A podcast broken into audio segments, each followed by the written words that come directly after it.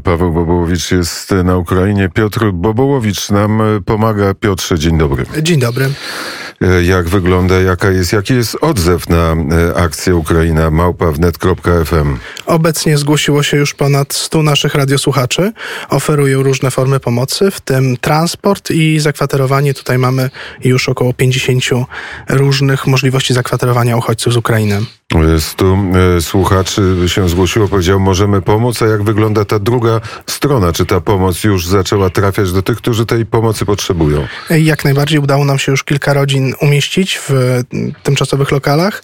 Mm, udało nam się też zorganizować transport. E, rozpoznajemy inne też potrzeby i tutaj na przykład pojawia się potrzeba psychologów, e, którzy posługują się językiem ukraińskim albo rosyjskim, bo mamy już sygnały, przyjeżdżają dzieci, przyjeżdżają też dzieci z różnymi problemami, z zaburzeniami z spektrum autyzmu. E, przyjeżdżają dzieci, które mają traumę po ewakuacji i potrzebują tego wsparcia.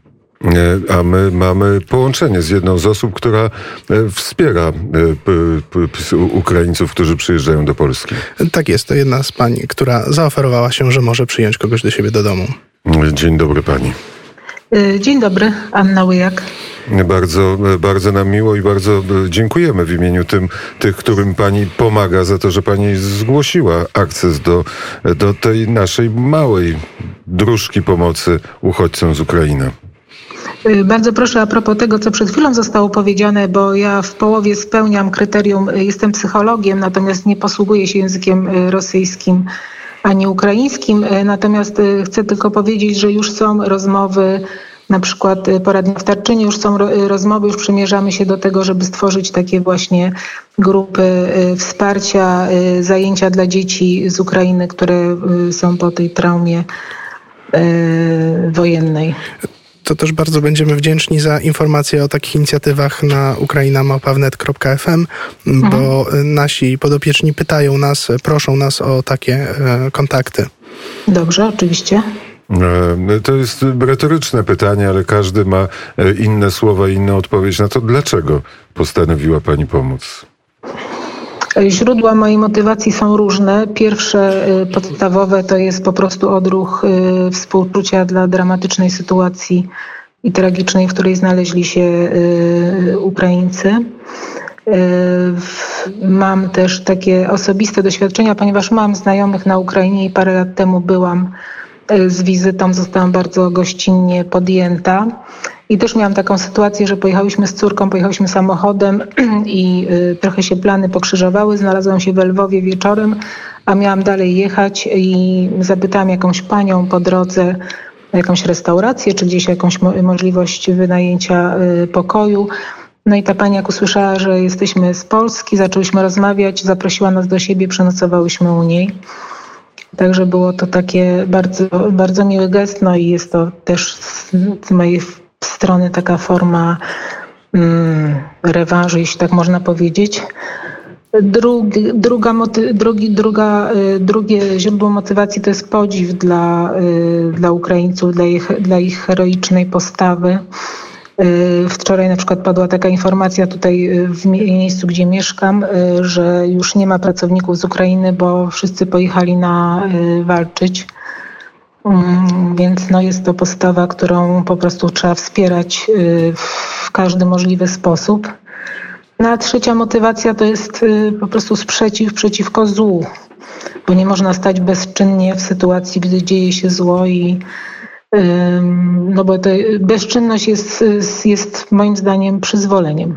Więc y, na każdy możliwy sposób, y, każdy według swoich możliwości y, i osądu powinien się temu złu przeciwstawić.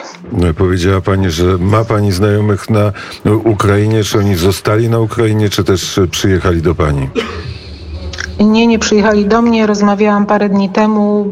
Y, to zachodnia Ukraina, więc y, jeszcze było w miarę spokojnie. Mówili, że y, zostają na razie. Jest w miarę spokojnie jeszcze do tej pory na zachodniej Ukrainie.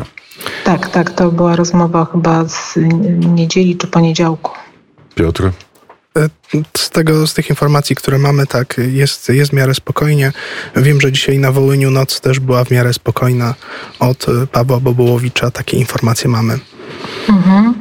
Jeśli można jeszcze dodać o tych e, formach pomocy, to chcę powiedzieć, że tutaj jest bardzo aktywna pomoc ze strony bardzo wielu ludzi i pomoc taka duchowa w postaci codziennej modlitwy. Jest też taka akcja duchowa adopcja żołnierza ukraińskiego. Każdy może się modlić swoją ulubioną modlitwą za żołnierza ukraińskiego, a wczoraj na przykład rozmawiałam ze znajomym, który pracuje w wodociągach warszawskich. Rozmawialiśmy wieczorem i się okazało, że on jest jeszcze y, w pracy i pakują tiry y, z pomocą dla Ukrainy powiedział 20, wczoraj ponad 20 tirów zapakowali pracownicy w ciągu, w czasie godzin pracy i po godzinach pracy.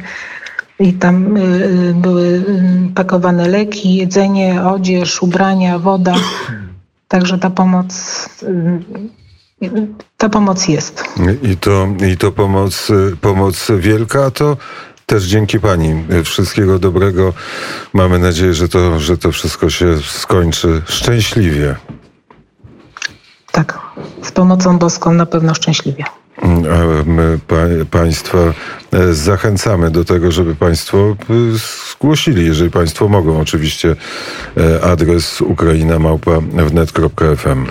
I tutaj mam taką serdeczną prośbę. Szukamy w tym momencie mieszkania dla małżeństwa z dzieckiem, z 17-latkiem, który jeździ na wózku, nie porusza się samodzielnie.